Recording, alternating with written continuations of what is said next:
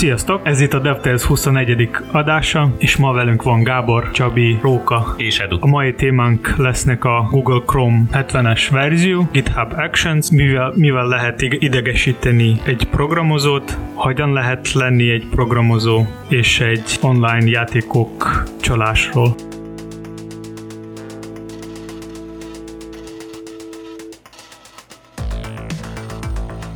Nemrég kijött a Chrome-nak 70-es verzió, és, és az egyik újdonságok között volt, a, hogy a desktopra lehet felrakni a progresszív web alkalmazások. Tehát ez azt jelenti, hogy azok a weboldalak, amelyik progresszív web alkalmazásként működnek, azokat lehet ilyen a Windows-ra feltelepíteni, mint egy rendes alkalmazás, és mondjuk a desktopon vagy bárhol más lesz egy ilyen kis ikon, amelyikre rákattintva meg, megnyitja a maga a weboldal. És például ilyenre, ilyen van van a Spotify-ra. Esetek valaki még nem ismeri, hogy mi az a progresszív web alkalmazás. Ez olyan fajta weboldalak, ami úgy tudnak viselkedni, mint egy natív alkalmazás az open rendszertől függetlenül, tehát akár iOS-on egy weboldal úgy tud, úgy tud kinézni, mint egy rendes natív alkalmazás, viszont neki lesz korlátlan a hozzáférés a, a natív API-hoz, tehát, ő, tehát mert ő tulajdonképpen egy böngészőbe fut, csak nem látszik a böngészőnek a, a kerete, viszont van több előny, előnye, például az, hogy ő tud offline-on működni, és ugyanúgy desktopon is. Következő újdonság a Chrome-nál volt a Credential Management API, például tud megosztani a, a credentialek a subdomain is. És még az egyik újdonsága volt az, hogy már a hetedik, a 70-es Chrome-ba lehet használni a named webworkerek. Aki esetleg nem tud, hogy mi az a webworker, a WebWorker segítségével lehet megoldani azt, hogy a JavaScript nem csak egy szálon fusson, hanem több, ha jól emlékszem. Így van, és ez a nevesített webworkerek, ez egy márciusi issút oldottak meg vele, egy 2017 márciusi issút, akkor már kér, kérték, hogy legyenek ezek nevesíthetőek, hogy könnyen lehessen őket azonosítani. Itt tök jól lehet a weboldalakat felgyorsítani, azokat az oldalakat, ahol számításigényes műveletek vannak. Tehát ahol nem a hálózat lassú, hanem a számításigény miatt a JavaScript lesz a szűk keresztmetszet. A progresszív alkalmazásokkal kapcsolatban kérdezhetek valamit? Itt úgy kell elképzelni, hogy ha elindítom a, mondjuk a, az iOS-emnek a, a nyitó oldali képernyőjéről kihelyezett linket, ami egy weboldalra visz, akkor pont olyan look and feel lesz, mint egy alkalmazás futna az iOS-emen? Igen, kinézetre és működésre is. Csak egy weboldalt nézel tulajdonképpen. Tehát a, a mögöttes rész az, ami, ami weboldal, de hogy kinézetre, meg használatra ugyanúgy fog tűnni, sőt, amit mondott Edu is, hogy offline is tud működni. Persze ez külön kódokat kell írni ahhoz, hogy offline működjön, és amikor kap internetet, akkor beszinkronizáljon, de hogy alapvetően teljesen olyan lesz, mint egy telepített alkalmazás. Tehát ugyanúgy elérhető lesz internet nélküli. És mennyiben fér hozzá ugyanazokhoz az erőforrásokhoz, amihez egy mobil alkalmazás, egy app hozzáfér, viszont eddig a webböngészőn keresztül ezt nem tudtam megtenni. Ugyanaz lesz a restrikciója, mint most is egyébként, tehát ugyanannyit fog tudni, mint amennyit most is tud egy webböngészőből, vagy egyébként erősebb lehetőségei lesznek az ilyen környezetben futó webalkalmazásnak, mint egyébként, ha most én mennyit nem böngészőből azt a weboldalt, és megnézném azon keresztül ezt a felületet. Hát egy csomó mindenhez hozzáfér, például push üzenetekhez, offline módon lehet ugye őket használni, helyi értesítés jelentéseket lehet küldözgetni a telefonra, azt lehet detektálni vele, hogy elől van-e maga a szoftver, vagy pedig háttérbe küldted, akkor a touch gesztöröket tudja, hozzáfér a, a gyorsulásmérőhöz, a beszédfelismerőhöz, a, a vágólaphoz, kamerához, a kamerához is, mikrofonhoz is, geolocationhöz is, hálózathoz, tudja nézni azt, hogy online vagy-e, tehát ez egy tök fontos momentum, hozzáfér a, a rezgő részhez, tehát tud vibrációt küldeni az elemnek az állapotához, tehát nagyon sok mindenhez hozzáfér. Van nyilván olyan dolog, amihez még nem, nem csinálták meg. 2016-os cikkel előttem, és ott például még nem volt Bluetoothhoz meg NFC-hez hozzáférés, de azért a legtöbb, leggyakrabban használt részekhez hozzáfér. Akkor ennek nagyon fognak örülni a designerek, felülettervezők, hogy most már egy olyan web alkalmazást is tudnak tervezni, ami kísértetésen fog hasonlítani eddig csak egy mobil alkalmazásban megvalósítható look and feel-hez, hiszen nem lesz benne a böngésző, zavaró keretrendszerek környezete, hanem, hanem egy az egyben ugyanúgy fogja érezni a felhasználó, mint hogyha abban lakna. Igen, ez egy tök jó dolog. Főleg az, hogy a, a maga a Google próbálja ez nagyon hirdetni, maga a progresszív alkalmazások, és ha én jó emlékszem, azok az oldalakra, amelyikre te felmész, és azt már támogatják tehát ők már PVA-ként működnek, a Chrome felajánlja felrakni a te, a te mobil eszközökre ezt a weboldalt. Akkor lehet, hogy ez még ilyen kereső optimalizálás szempontjából is bizonyos weboldalakat előre fog sorolni, bár nem tudjuk ezeket az algoritmusokat, de eddig az volt, hogy a responsív websájtokat előnybe részesítette a nem responsív websájtokhoz képest, ha például beírtam a keresőbe, akkor egy mobiltelefonon indítok egy keresést, akkor a, a web alkalmazásnak megfelelő szabvány szerint elkészített oldalak lehet, hogy hamarabb fognak megjelenni találati listában, hiszen azok jobban optimalizáltak a készülék tulajdonságaira. Ezzel egyébként a Google-nek volt egy próbálkozása, nekik van egy olyan technológia, ami AMP-nek a neve, viszont ott ők belementek egy ilyen problémába, problémába, hogy nem minden fejlesztő vagy cég örült neki, hogy a Google fejebb tette az AMP fajta oldalak, mint az, az övék. Tehát szerintem itt még ilyen kutatos a dolog. Pillanatra, hogyha valaki nem ismerni az AMP technológia, az ugye arról szól, hogy nagyon sok megszorítással kell egy oldalt elkészíteni, viszont így gyakorlatilag Google fogja hoztolni, és nagyon gyors betöltődést ígér. Pont azért, mert ezeket a megszorításokat betartjuk. Amikor kipróbáltuk, akkor ö, olyan érzés volt, hogy tényleg rányomtunk a linkre, és azonnal ott volt az egész weboldal. Tehát ilyen azonnalinak tűnt. Szerintem ilyen 300 milliszek alatt lehetett az egész. Nagyon ki van rá optimalizálva.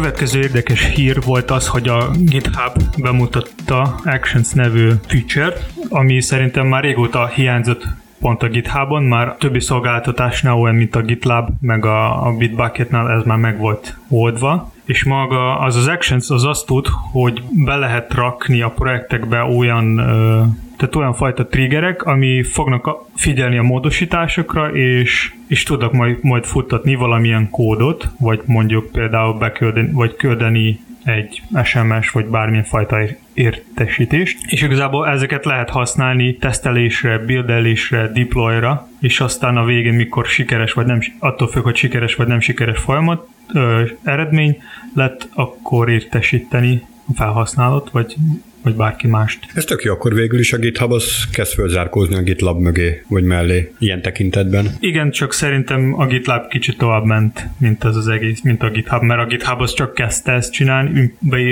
bevezetni, viszont a GitLab már régóta ezt csinálja, és a GitLabnak ez az egyik főpontja a marketingbe.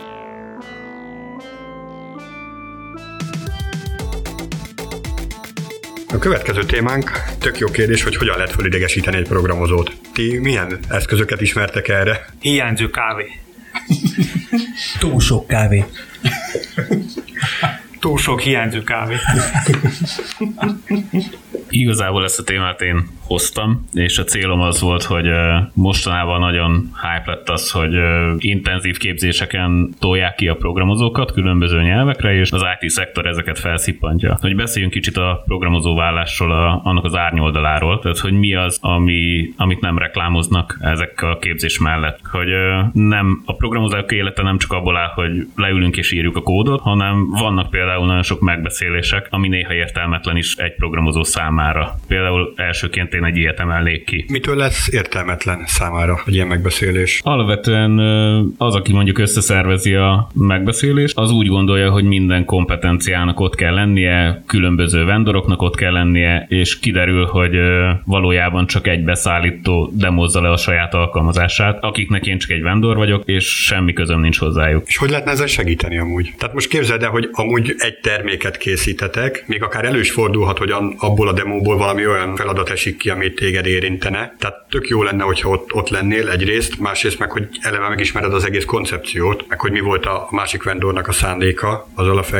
meg hogy készítették el. Tehát akár, akár jó is lehetne ez, de hogy mégis idegesítő. Igen, hogyha már előtte többször láttam az alkalmazást és integrálódtunk is. Vagy gondolok itt arra, amikor egy design terv átbeszéléséhez oda hívják a Java fejlesztőt is, hogy hallgass végig, hogy kék legyen a gomb, vagy piros legyen a gomb. Mondjuk ezzel is egy kicsit vitatkoznék, mert oké, okay, hogy a kék vagy piros ahhoz a backendnek nincsen semmi köze, de hogy maga az egész tervezési folyamat, tehát ahogy a UX felépül, abban azért igenis jó lenne, hogyha részt venne minden résztvevő, minden fejlesztő, hiszen akkor tudják a kóddal le tudják követni azt, ami a UX tervezőnek a fejében volt hogy mégis milyen lesz ez a webalkalmazás. Mert azzal, hogy oda rak eléd egy PSD-t, vagy rosszabb esetben csak egy PNG-t, hogy na, akkor ez lesz a weboldal, és valaki más rittyent oda egy leírást, hogy akkor itt majd az lesz, hogy küldünk egy e-mailt a felhasználónak, de nincs mögötte az a, az, az egész koncepció, ami a szájtot át kéne, hogy hassa. Szóval szerintem ez sem kéne igazából, hogy fölidegesítse. Ami engem szokott zavarni kicsit, az OpenOffice-ban lévő nagyon sok inger. Mert hogyha nincs éppen füles a fejemen, akkor így tudat alatt is meghallom a problémákat, és szinte azonnal elkezd rajta dolgozni az agyam. A főszál meg emiatt leterhelődik, és akkor kevesebb erőforrás jut arra, amivel éppen foglalkoznék amúgy. És hát a programozó alapvetően olyan, faj, olyan fajta, aki szereti a problémákat megoldani, és hogyha valami izgalmas terjeng a levegőbe, akkor az lehet, hogy jobban elvonja a figyelmet, mint amennyire kéne. Úgyhogy az például lehet zavaró. Alapvetően én úgy érzem magam, hogy nem minden ember képes multitaskra, tehát hogyha nagyon belesüllyedsz a, abba a főszálba, amit mondasz a fejlesztésre, akkor előfordul, hogy meg se hallod, hogy hozzád szólnak. Hát az a jobbik eset, de van, amikor olyan hangerővel érkezik az a inger, hogy nem lehet ignorálni. De egyébként tényleg, tehát a füles az sokat segít. És ilyenkor nem szeparálod le magad a csapattól? Hát ez a hátránya pont ez a hátránya, hogy gyakorlatilag ott ülünk egymás mellett, egy témával foglalkozunk, de hogy nem is tudunk egymástól kérdezni, mert hogy leszaparálódunk a többi embertől, akik viszont más témával foglalkoznak. Nekem ez iszonyú, iszonyú nagy dilemmám, mert én ugye a sötét, árnyas oldalról érkeztem most ebbe a beszélgetésbe, és ugye sokszor az van, hogy egy egyik lábukra a másikra állunk, hogy közben az ügyfél meg ugye valamilyen releváns információra vár, amit mi magunk technológiai tudásunk hiányában, vagy abban a, abban a szoftverben való jártasságunk hiányában nem tudunk megválaszolni, vagy éppen valamilyen, valamilyen valamilyen délemmel ott állunk, és na melyik az az egy pillanat, az az egy ezred millisekundum, amikor a fejlesztő éppen a figyelmét abba az irányba fordítja, hogy el tudjuk kapni a tekintetét, és azonnal oda tudunk rácsapni, mint egy cápa az asztalához, és én vélemezem, hogy ugye ez ugyanolyan, vagy ez nagyon zavaró tud lenni az ilyen jellegű rácsapás a másik oldalról. Nyilván van ennek egy oka, hogy az ember ezt miért teszi, vagy miért közeledik ilyen, ilyen mögöttes súnyi szándékkal a fejlesztőhöz, vagy a saját kollégájához. És nyilván, ha rajta van a füles, akkor ő egyébként megvédi őt valami valamennyire az ilyen jellegű támadásoktól vagy inzultusoktól, de, de ugyanakkor feszültséget is adott esetben kell, mert nem tudok egy, egy gyors kérdést vagy egy gyors kérdés választ, választ lerendezni. Úgyhogy itt egy nagyon, mondjuk egymásra való nagyon erős odafigyeléssel ez értelmes keretek között koordinálható, tehát lehet olyan pillanat, amikor tényleg nagyon fontos, hogy egy kérdést meg tudjunk beszélni on the fly, ott melegében. Ha nem olyan fontos, akkor viszont nem menjünk azzal oda, hogy most ez a gomb kéken vagy pirosan jobb, és akkor ezen ne zavarjuk meg egymás munkáját. Ha kialakul a, a, a kémia a csapatok és a, a, az együtt dolgozó kollégák között, akik közül van, aki az ügyfelek felé áll többet arccal, van, aki inkább a kód felé áll többet arccal vagy aggyal, akkor működik a dolog. Ha nem alakul ki ez a fajta kultúrát, közlekedés, akkor meg, akkor meg mindig zavaró lesz, és ez, ez, ez ugye zavarja folyamatosan napi munkát, amit, amit ti is elmondtatok. Ugye a meetingekre nézve meg, meg, meg én azt tapasztalom, vagy azt ö, látom, hogy ö, akkor értelmetlen egy meeting leginkább, ha, ha nem tudjuk a célját, hogy miért van ez a meeting, nem tudjuk, hogy mi a végeredmény elvárás annak a meetingnek, és nem azok a kollégák vannak ott felkészülten azon a meetingen, akik, akik ebben a témában formában tudnak valamit együttműködni, ha ezek hiányoznak, akkor ez nem jön össze semmilyen formában sem ez a dolog. Hát itt inkább a legutolsó, amit említettél, az az, ami zavaró tud lenni, mert a meeting önmagában valószínűleg jó, tehát valószínűleg jó célra jött létre, csak akik részt vesznek rajta, az lehet, hogy úgy érzi, hogy mi a felének van ott. Akkor nem tudja, mi a célja. Igen, tehát, hogy, tehát, akkor, akkor, akkor, mégsem, akkor, tehát, hogy nagyon sokszor az is csorbul, hogy, hogy nem tudjuk, hogy miért is ülünk itt, tehát nem tudjuk, hogy hogy, hogy mi a meeting célja, vagy, vagy nem abból a célból érkeztünk. Tehát és ez, ezeknek a hiányossága egyébként minden, minden meetinget megöl, no pláne azok, amiken ott vagytok, és azt, a, azt az időt, amit egyébként adott pillanatban egy értékes probléma megoldásra tudnátok szánni, azon a meetingen fogjátok elégetni teljesen feleslegesen egyébként. Akkor még ami másik idegesítő lehet, például béna technológiák használata. Mondjuk, ami fölött már eljárt az idő vasfoga. Tehát itt most egy legacy jQuery-re gondolsz? Hát mondjuk a Spring 2-re hogy szakmába vágjon neked is. Van olyan, hogy béna technológia? Tehát akkor, amikor megteremtettük azt a technológiát, akkor valószínű jó volt. Ha folyamatosan karban tartott a kód, akkor uh, nem lesz még béna. Viszont újabb és újabb megoldások születnek, és lehet, hogy már ugyanazt a problémakört egyszerűbben meg lehet egy, egy másfajta eszközzel oldani. És hogyha az ember ismeri mind a kettőt, akkor tök idegesítőnek érezheti azt, hogy a régi kevésbé, kevésbé svájc, svájci bicska-szerű megoldással tudjon dolgozni, mint hogy az újabbal. De ez nem okoz egy ilyen, ilyen patchwork jelleget, hogy elindultam egy technológiával, aztán ugyanabban a fejlesztési, ugyanabban a szoftverkönyv az alkalmazásban, aztán egy másikra, majd aztán fél év jön egy fancy, majd egy harmadikra átállok, és amikor jön egy negyedik kolléga, aki ránéz, akkor már nem tudja, hogy melyiket miért használtuk. Tehát nem ez lesz a vége ennek a dolognak? Láttál már JavaScript-es fejlesztőt? Igen, itt vele szemben. Néhány őszhajszállal. Hát nem véletlenül. Szóval JavaScript terén nagyon erősen érezhető ez, amit mondasz, és, és folyamatos az az érzése a fejlesztőknek, hogy újra kell írni minden. Ami egyébként több dologból is fakad, de egyrészt ebből, amit te is mondasz, hogy jön egy újabb technológia, fú, akkor most ezt azonnal ki kell próbálni, meg kell ismerni, és akkor le kell váltani mindent, ez az egyik fajta. A másik újraírási kényszer az pedig abból van, hogyha más kódjában kell turkálni, és valakinek az észjárását felfogni. Most, hogyha erre valaki nem szán kellő időt, akkor az lesz a vége, hogy hát ezt újra kell írni. És az ilyen újraírásokat vagy technológia leváltásokat ugye a ügyfél vajon meg is finanszírozza? Képzeljük magunkat a helyébe, hogy mit kap cserébe. Hogyha semmit, csak fú, most már nagyon modern lesz, de hogy funkciójában pont ugyanazt kapja, akkor valószínűleg nem. Szerencsére itt van közöttünk Csabi. Te egy ügyfélnek el lehet adni azt, hogy angul, anguláról most view állunk, vagy view angulára? Hát akkor lehet eladni, egyébként így van, amit, amit Róka is mondott, hogy ha van mögötte valamilyen ö, üzleti érték az, ügy, az ő ügyfelei számára. Tehát ugye egyébként látpulláról technológiai megújítás. Van ilyen projekt egyébként, tehát léteznek ilyen projektek, amikor mondjuk egy technológiának a támogatottsága megszűnik és akkor nincs más lehetőség, mint az ügyfél azt a verziót választja, hogy technológiaváltás van. Ez, ilyenek zajlanak most a, a napokban is, vagy a hetekben. De egyébként frontend oldalon, hogy ezt Angularban vagy Vue-ban szállítom ezt a ezt a websájtot, vagy ezt az alkalmazást, ez nagyon nehezen indokolható menet közben. Az elején, hogyha valamelyik mellett vagy ellen szólnak érvek, akár időben, akár minőségben, akár a későbbi továbbfejleszthetőségben, akkor a döntést azt emellett meg lehet hozni. Menet közben ennek a lecserélése nagyon nehezen eladható. Szerintem ügyfélnek az a fontos, hogy az ő termék vagy az ő rendelés az legyen jó, meg gyors. Aztán ennyi. Tök mindegy, hogy milyen technológiát választ ki. Az inkább attól függ, hogy milyen céget választotta ki, és a cég mihez ért. Igen, mihez, mihez ért, igen. Teljesen egyetértek. Amit, amit az ügyfél megvesz, az egy, az egy kiváló termék, ami az ő ügyfelei számára jól használható üzleti eredményt, vagy üzleti értéket állít elő. És a specifikációkkal hogy vagytok? Tehát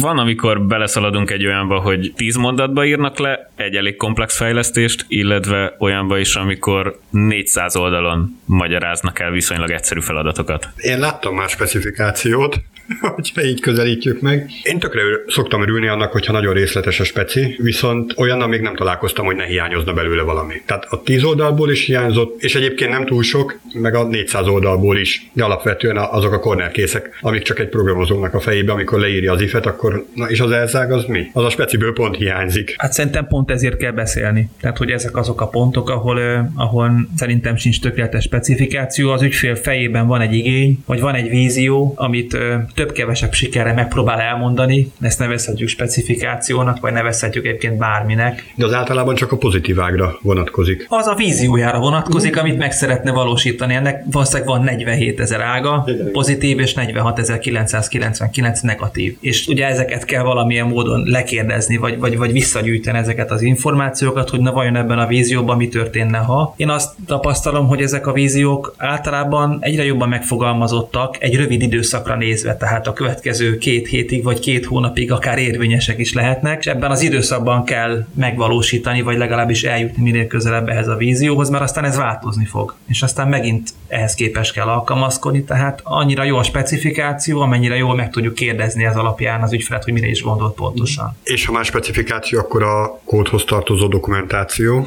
Szerintem kötelező. Persze természetesen csak akkor, hogyha a kód fölé ír dokumentáció tükrözi azt, ami a kódban meg is valósult. Tehát az elhanyagolt dokumentációk a kód átírása után már nem túl jó, ha ott maradnak. Hát sőt, az kifejezetten káros. Na, hogyha elolvasod a Tiszta Kód című könyvet, ott van kerek perec, hogy ne írjál dokumentációt. Most akkor hogy is van ez? Kiragadtad a kontextust, ne írjál dokumentációt, és mi a feltétele, hogy mikor ne írjál dokumentációt? Bizony, bizony, tehát ezt nem szabad figyelmen kívül hagyni, hogy olyan a kód, hogy már nem tudnál mást hozzá hozzáírni, mint, mint az adott változó vagy függvény vagy metódus neve. Ügyfél oldalon mennyire, nem tudom én, értékes ez a dokumentáció, hiszen ő azt mondja, hogy van egy jó működő kód, azt ha jó struktúráltan meg van írva, akkor egy jó programozó kiválóan tudja olvasni. Miért kell még, még egyszer annyi időt eltöltenem azzal, hogy egyébként le is dokumentáljam, amit lekódoltam? Nem feltétlen kell még egyszer annyi időt. Én például tök sokszor szoktam úgy kódolni, vagy úgy dokumentálni, hogy először azt, amit majd szeretnék lekódolni, azt leírom csak így a saját szavaimmal, szépen kommentét teszem, és akkor aláírom a kódot. Már előre le van dokumentálva az, amit szeretnék csinálni, tehát így, így ilyen formán nem is, nem is lesz plusz idő belőle. Amiben ez segíthet, hogyha valakinek meg kell érteni ezt a kódot, hogy miért. Tehát az ott van a kódban, hogy hogyan csinálja a, a, a dolgot, csak az nincs ott, hogy miért.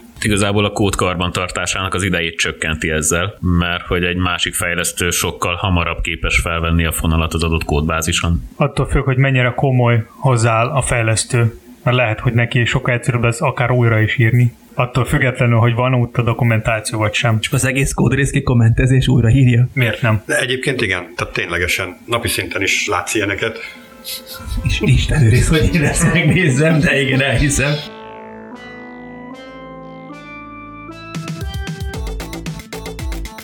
Következő témának azt hoztam, hogy uh, hogyan lesz valaki programozó. Igazából a kérdést arra szeretném kiegyezni, hogy hogyan leszel programozó, tehát hogy egyáltalán kivaló programozónak. Szerinted, Róka? Én, hogyha a saját példámból indulok ki, akkor én vendéglátást tanultam, szóval a vendéglátosok azok nagyon jó programozók lennének.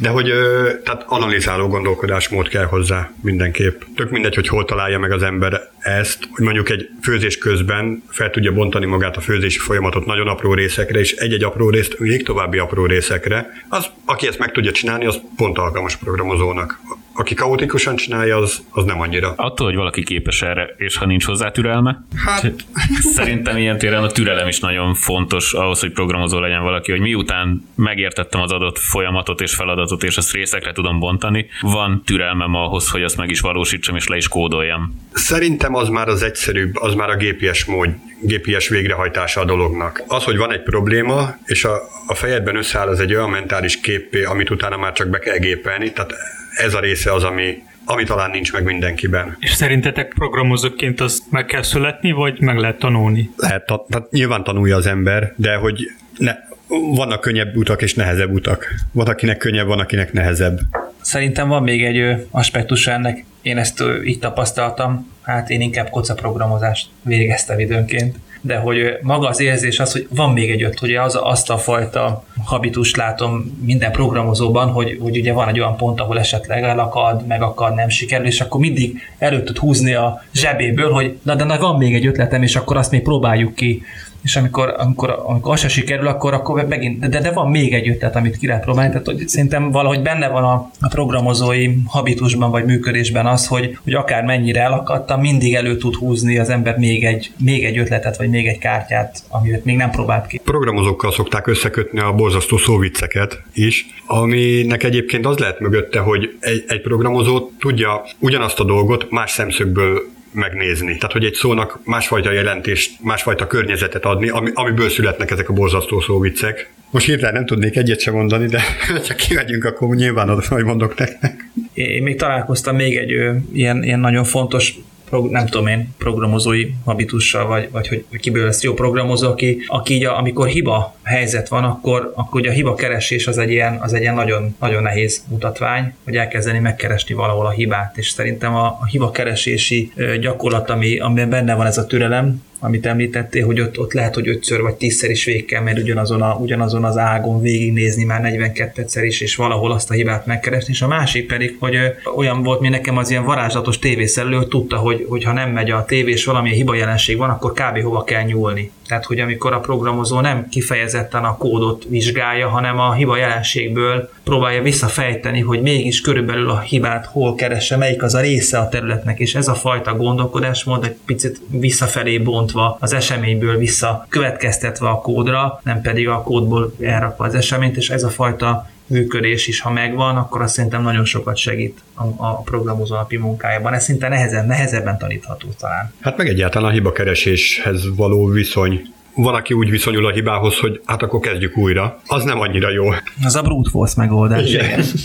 De, de úgy igazából ugyanazt a hibát elkövetheti megint, meg megint is egyre duzzadtabb lesz a, a hibás rész, tehát hogy én azt, én azt mondom, hogy akkor ott más utat kell választani.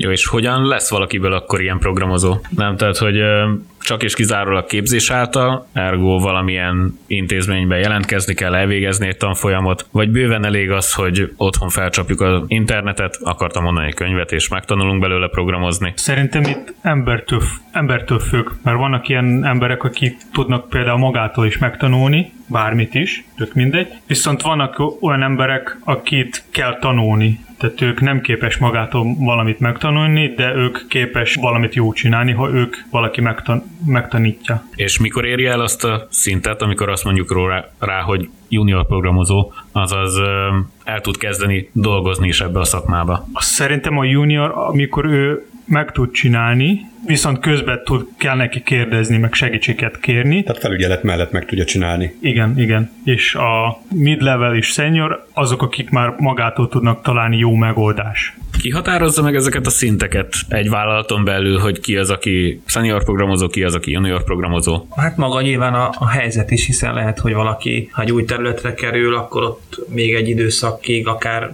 ha korábban más területen dolgozott, és abban szenior volt, nem tudom, hogy létezik de akkor ott neki nulláról, vagy szinte újra kell kezdeni, vagy újra kell tanulni azt a témát, tehát ott akár egy ideig még juniorként tevékenykedik, de nyilván a habitus, a hozzáállása már szeniorként tud működni, csak az adott tárgyi tudása még, még, még adott esetben nem elegendő. Nyilván a csapat is meghatározza, hogy egy csapaton belül is, amikor kialakul egy, egy team 6-8 fővel, akkor azon belül is vannak esetleg szenioritási különbségek, és lehet, hogy ott is van egy, egyfajta elrendezés vagy elrendeződés. Meg hogy ki melyikbe akar beleülni, tehát melyik szerepkörbe. Meg maga a probléma is esetleg. Tehát, hogy mi, mi, érkezik a tárcán, mi, milyen teríték van éppen ott, és azon, azon is eldőlhet, hogy, hogy ahhoz ki hogyan tud hozzányúlni, vagy hozzáfogni. Nyilván a senior több év, 6-8 év tapasztalatára építve felteltőre már találkozhatott hasonló problémával, ebből ki föl a képes megoldani, vagy egyedül is tovább, tovább gondolni. De lehet, hogy olyan problémába útközünk, amiben más irányból kell segítséget kérni, mert, mert ilyen nem még nem találkozott a csapat sem. Meg egy olyan szeretnék hozzáadni, hogy a senior JavaScript fejlesztő nem fog minden nap kicserélni a frameworkokat az, a saját projektben,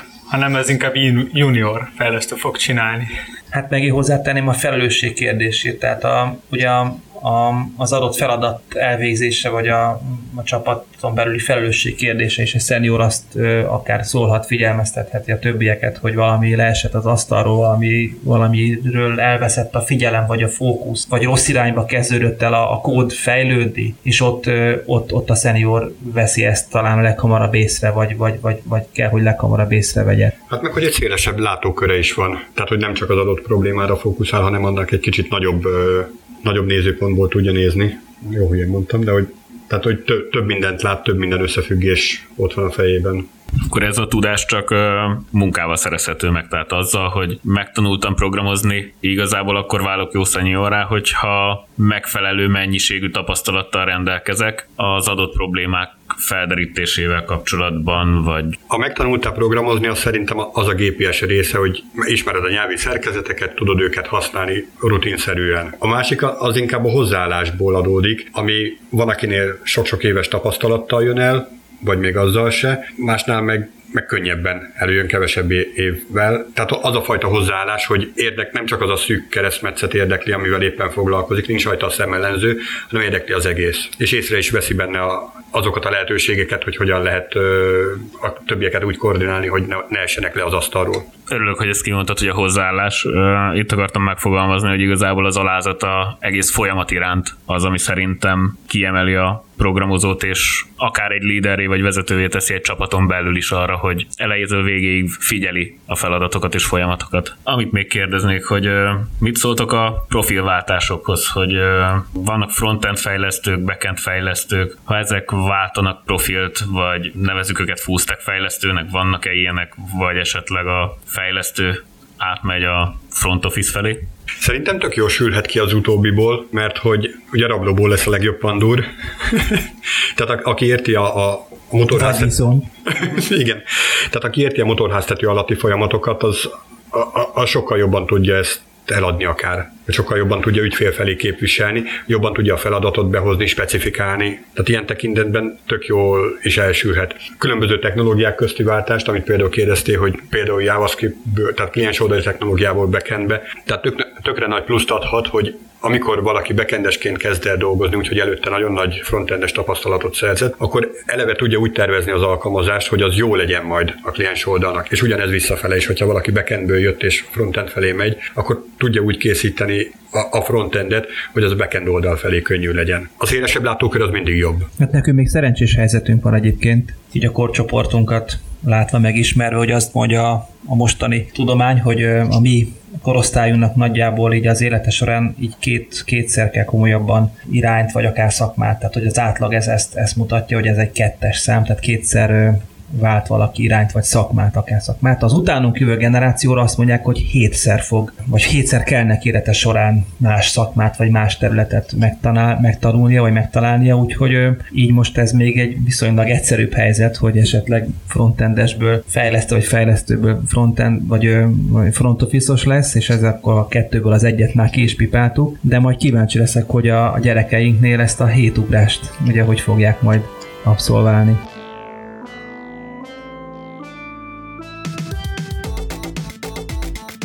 Tegnap jött egy hír, hogy volt egy srác az interneten, aki azzal kérkedett, hogy csalt a Fortnite nevű játékban, aztán váratlan fordulat az az volt, hogy beperelte őt a játékot forgalmazó cég. Leginkább azért, tehát az volt mögötte, hogy ő árulta is azt a megpecselt szoftverét, amivel könnyedén lehetett csalni, és e- ezzel gyakorlatilag bevételtől esett el. Cég, aki ugye freemiumban szolgáltatta a játékot, tehát a játékon belül megvásárolható ilyen power segítségével tettek ők szerbevételre. De mit gondoltok erről, az egész témáról? Hát jó, de ez a, ez a jellegű része, ez inkább a csalás kategória. Tehát Igen, amikor tehát én, én, én, én meg, meghekkelek egy, egy, mert ugye van az a fajta verzió, amikor valaki tényleg sok-sok munkával fölépít egy, egy profilt egy játékban, és aztán azt eladja, az, az, az, egy másik kategória, hogy ezzel lehet kereskedni, vagy nem, de ott benne van a keze munkája annak, a, annak az embernek, vagy azoknak az embereknek, ezt csinálják. Hát azért ennek is benne lehetett, mert azt a, azt a cheatet, azt bele kellett neki fejleszteni, amit utána tudott értékesíteni. Viszont de, egész, de hogy egész addig nem érdekli, nem érdekel senkit úgy az a tapasztalat, ameddig ebből pénzt nem szerez a másik. Ugye korábbi adásban volt arról szó, hogy mi, mi történik az adatvédelemmel, adatainkat ellopják, és igazából egyetértettünk abban, hogy senkit nem érdekel addig, ameddig ezt nem, nem keresnek azzal pénzt, hogy a, az én adataim. De ezzel a céllal valósította meg ezt a, ezt a cheatet, hogy, hogy megkár, tehát hogy ő hozzájusson olyan előnyhöz, amihez amúgy nem juthatott volna hozzá, és ezt utána ezt az előny pénzét tette, és ez, ez káros. Innentől kezdve. De, viszont, hogyha csak csalt volna, és nem keres vele pénzt, akkor meg a kutyát sem érdekli. Hát akkor is érdekli, nem derül ki. Tehát a, akkor is elkövette ugyanezt a tettet, tehát hogy a, nyilván igen, ennek igen. a játéknak a szabályzatában ez egy 47 oldalas apróbetűs rész, valószínűleg le van írva, hogy ezt nem teheti meg, de ő megtette. megtette csak ez nem derült ki. De hogy addig nem, nem sújtják szankciókkal, ameddig ne, nem, nincs szó pénzről. És ez szerintem tök rossz.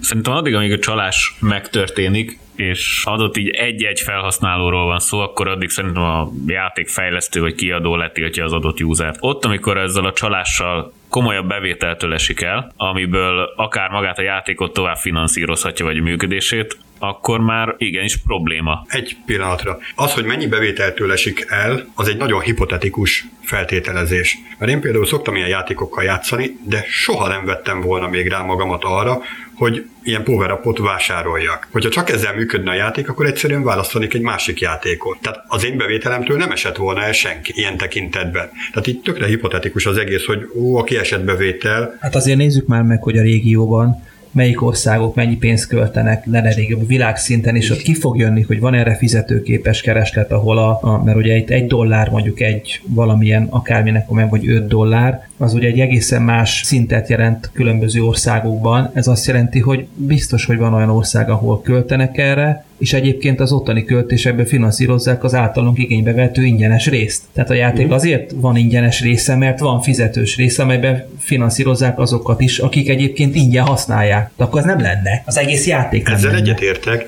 csak hogy számolják azt ki, hogy akkor mennyitől esik el attól, hogy mondjuk ez a srác az értékesített N darab pecselt Nyilván pont az veszi meg ezeket, akik egyébként költenének. Tehát minden egyes megvásárlója ez esetben elveszett. Ja nem, nem, ez nem igaz, nem. nem hát, nem. igen. De hogyha az, aki költ a játékban, az olcsóbban megveszi ezt a cheatet, és így sokkal olcsóbban jut hozzá ugyanolyan power akkor itt már mérhető az a veszteség. Hát igen, de vannak olyan játékosok, mint például a Róka, aki egyébként nem költött volna, de ha megveszi ezt a cheatet, akkor egyébként költhet benne ingyen. Tehát nem, es- nem esett el semmitől a cég, hiszen eddig se költött, meg ezután se költ. Igen, tehát elég nehéz kérdés ez. Feltételezésekre épít erősen. De ugye nem a, nem, a, nem a pénzügyi veszteség okozza a pertárgyát, hanem az, hogy egy szabály ellen vétett, illetve ő a, aláírt egy szerződést, amikor azt a játékot letöltött és elfogadta annak a szabályzatát, hiszen ezt egyébként minden letöltéskor elfogadod, és ő ez ellen vétett, és ezt a vétséget róják föl neki. Aztán nyilván ebből lehet majd valamilyen anyagi veszteséget modellezni, de önmagában ez a vétség az, amely feltételezem, hogy ennek az egész pernek a tárgya. Nem nagyon ismerem a játékvilágot, hogy van-e például ilyen, hogy mint, olyan, mint egy bug bounty program, ami arról szól, hogy ha találsz valamelyik szolgáltatáson valamilyen hibát, akkor kapsz érte pénzt. És szerintem ez lenne egy, az egyik megoldás ilyen fajta játékoknak, hogy ha valaki, valaki meg fog tudni írni bármilyen fajta patchet vagy alkalmazás, amit, amivel tud csalni a játékba, akkor, akkor kapjon pénzt maga a cégtől, aki csinálta a játékot, és akkor neki, és akkor, ő- és akkor így nem a csalás szándékával fognak próbálni keresni ott a hibákat, hanem inkább visszajelezni a, a cégeknek, hogy van egy hiba, tessék, Ez egy szürke zóna, ahova érkezünk, etikus hekkelés, illetve valamilyen publikus eszköznek a, a hibáinak a feltárása, majd visszajelzése a gyártó számára, hogy találtam benne egy olyan hibát, amivel egyébként csalni lehet, vagy ingyenes kreditekhez lehet jutni, aztán, hogy ezt a másik oldali cég azt elismeri, vagy éppen büntetni fogja, ezt nem lehet tudni, ezért sokan ezt meg sem merik tenni, vagy nem kezdenek el ilyen jellegű tevékenységet végezni. Maga a tevékenység végzése is kérdéses.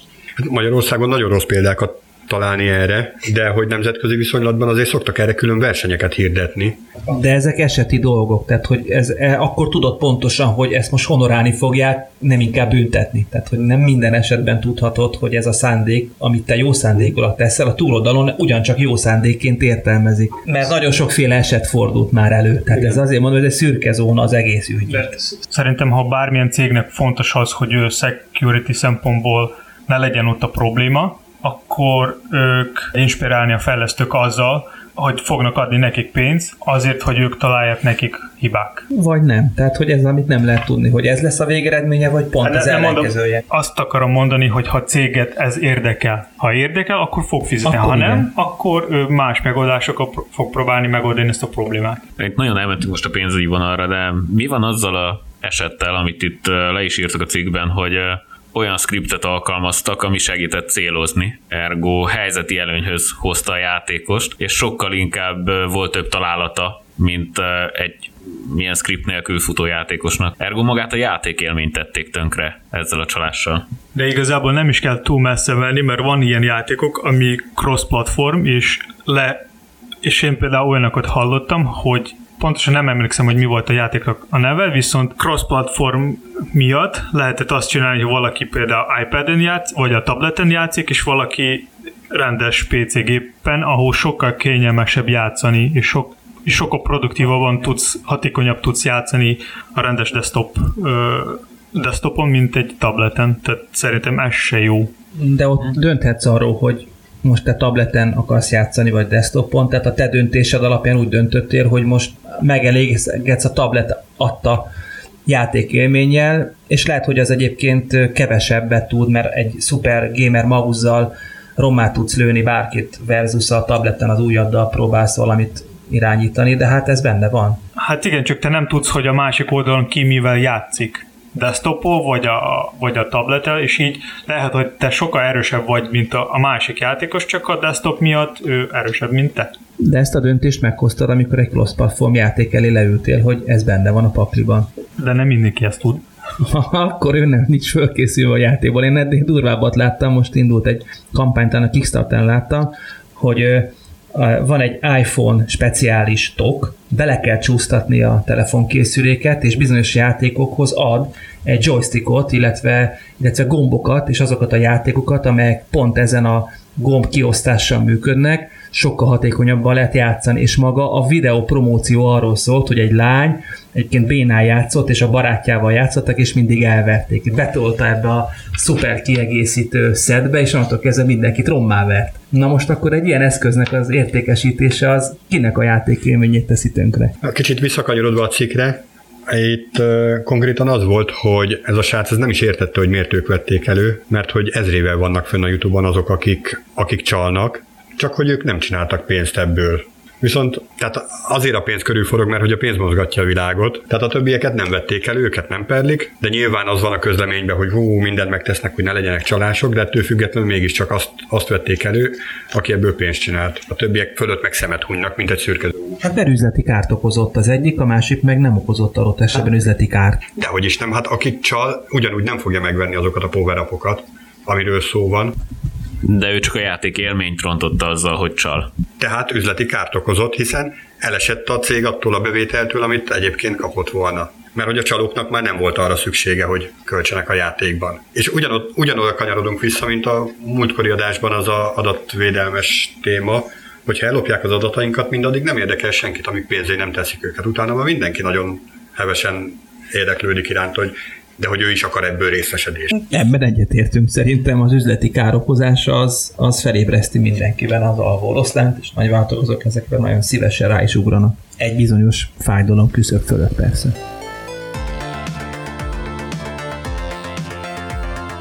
Ennyi fér bele a mai podcastbe. Kövessetek minket Facebookon, Twitteren, írjátok nekünk nyugodtan, ha van bármilyen kérdés vagy ötlet, hallgassátok minket legközelebb. Sziasztok! Sziasztok! Hello! Sziasztok!